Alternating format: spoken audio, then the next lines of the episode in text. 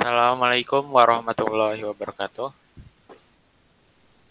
Nah, hari ini kami akan menceritakan hikayat Abu Nawas berjudul Kecerdikan Abu Nawas Menghadapi Raja. Saya Sultan Salahuddin sebagai Raja.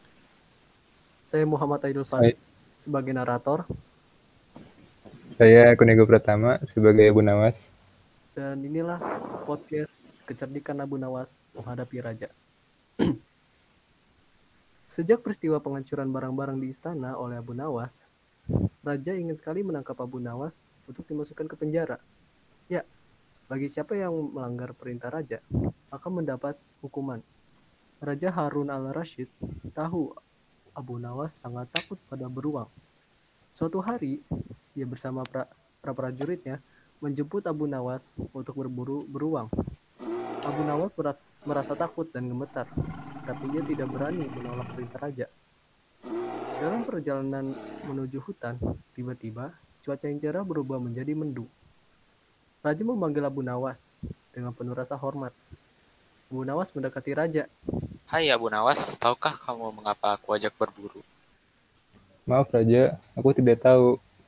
Kamu pasti tahu bahwa sebentar lagi akan turun hujan. Hutan masih jauh dari sini. Kuberi kuda yang lamban. Sedangkan aku dan pengawal-pengawalku akan menunggang kuda yang cepat. Nanti saat makan siang kita berkumpul di tempat peristirahatanku. Jika hujan turun, kita harus menghindarinya dengan cara masing-masing agar pakaian kita tetap kering.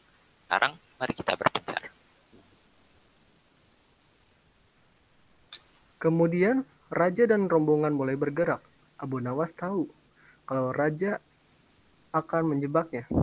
Ia pun segera mencari akal. Saat Abu Nawas sedang berpikir, tiba-tiba hujan turun. Raja dan rombongannya segera memacu kuda untuk mencari tempat berteduh terdekat. Tetapi karena derasnya hujan, Raja dan para pengawalnya basah kuyup. Saat makan siang tiba, Raja segera menuju tempat peristirahatannya. Namun, belum lagi baju mereka kering, Abu Nawas telah datang dengan menunggang kuda yang lamban. Raja dan para pengawalnya terkejut karena baju Abu Nawas tidak basah.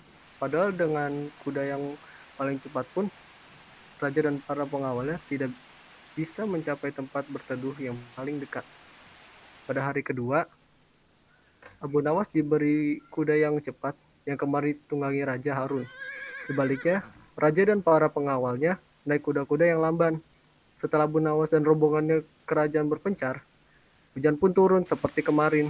Bahkan, hujan kali ini lebih deras daripada yang kemarin. Waktu makan siang tiba, Abu Nawas telah tiba di tempat peristirahatan lebih dulu daripada raja dan para pengawalnya. Abu Nawas menunggu raja, tak lama raja dan para pengawalnya tiba dengan memakai pakaian yang basah kuyup.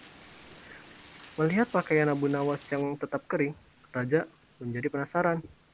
Raja Jujurlah. bertanya kepada Abu Nawas, Jujurlah padaku, Abu Nawas, bagaimana caramu menghindari hujan?